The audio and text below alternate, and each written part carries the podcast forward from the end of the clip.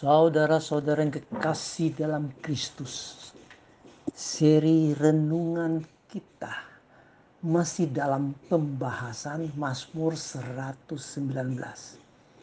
Kini kita sudah tiba di bait ke-17. Ayatnya 129 sampai dengan 136. Bait ini menyatakan keajaiban dari firman Tuhan dan kerinduan terhadap firman Tuhan. Sehingga memanjatkan permohonan-permohonan kepada Allah supaya setia menaati firman Tuhan. Bait ini sangat berbeda dengan bait yang lain.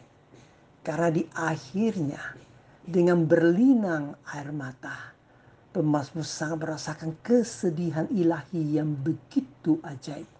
Sungguh firman Tuhan yang ajaib dan perasaan sedih yang ajaib pula.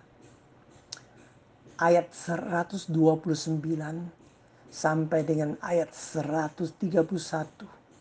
Ini tiga ayat yang menjelaskan tentang firman Tuhan. Firman Tuhan adalah firman kehidupan yang sangat ajaib. Teringat lagu di NKB 100 19. Benar. NKB nomor 119. Ini juga sangat ajaib. Karena sama dengan Mazmur 119. Dengan tema Nyanyikanlah bagiku. Judul bahasa Inggris Wonderful Words of Life. Referennya Indah benar, ajaib benar, firman kehidupan. Indah benar, ajaib benar, firman kehidupan. Firman Tuhan memberi kehidupan.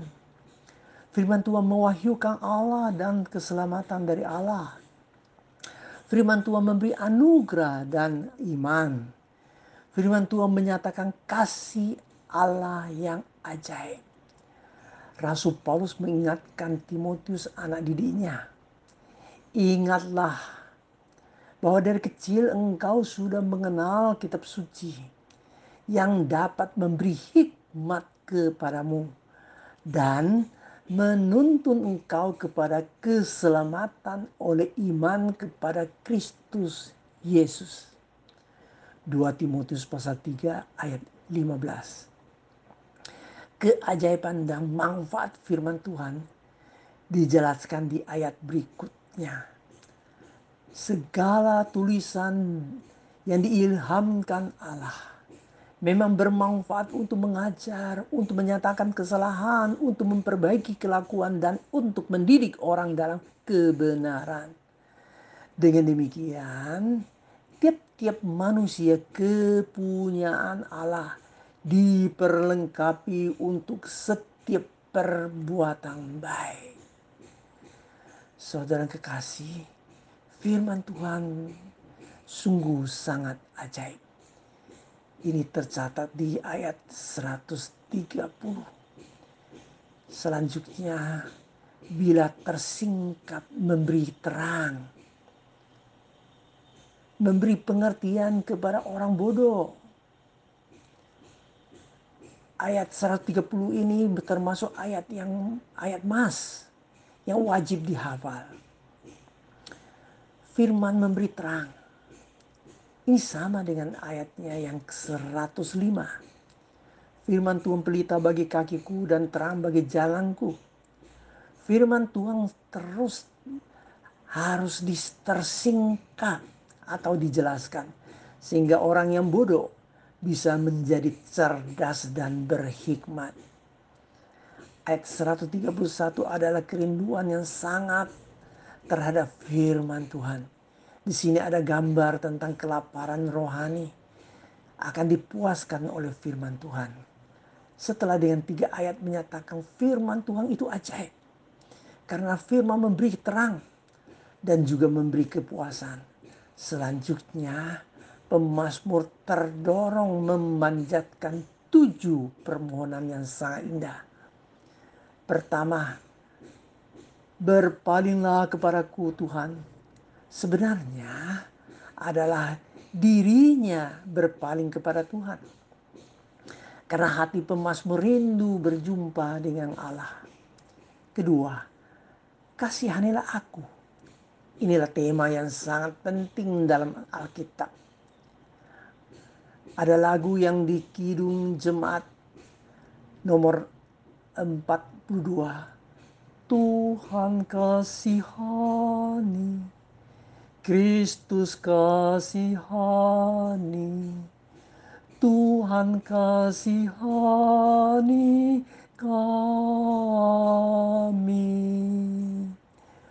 Saudaraku yang kasih, yang ketiga, teguhkanlah langkahku oleh janjimu. Memohon supaya bisa mantap menjalani firman Tuhan. Yang keempat, janganlah segala kejahatan berkuasa atasku. Yaitu jangan dibelenggu oleh dosa. Yang kelima, Bebaskanlah aku dari orang-orang yang menindas aku. Memohon penebusan dari Tuhan. Yang keenam, sinarilah hambamu dengan wajahmu. Saudaraku yang kasih, ayat 135 ini sangat indah.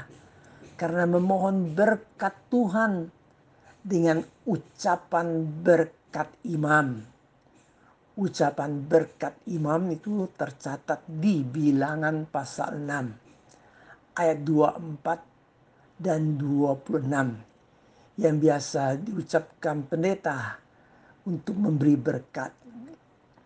Bunyinya, Tuhan memberkati engkau dan melindungi engkau. Tuhan menyinari engkau dengan wajahnya dan memberi engkau kasih karunia. Tuhan menghadapkan wajahnya kepadamu dan memberi engkau damai sejahtera. Bila kita pakai bahasa now, semoga aku bisa melihat Tuhan menghadapkan wajahnya kepadaku dengan senyum. Nomor tujuh, ajarkanlah ketetapan-ketetapanmu kepadaku mau menjadi murid Tuhan yang setia dan tekun belajar. Ini tujuh permohonan yang indah sekali.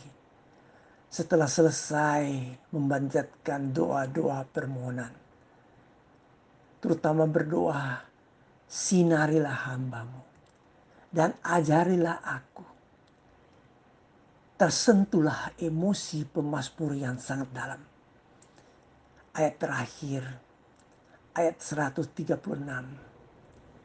Air mataku berlinang seperti aliran sungai. Karena orang tidak berpegang pada Tauratmu. Sungguh sangat sedih. Melihat orang tidak berpegang pada firman Tuhan. Pemasmur kini mempunyai suatu perasaan seperti perasaannya Tuhan. Pemasmur seperti Nabi Yeremia yang tercatat di Yeremia pasal 9 ayat 1.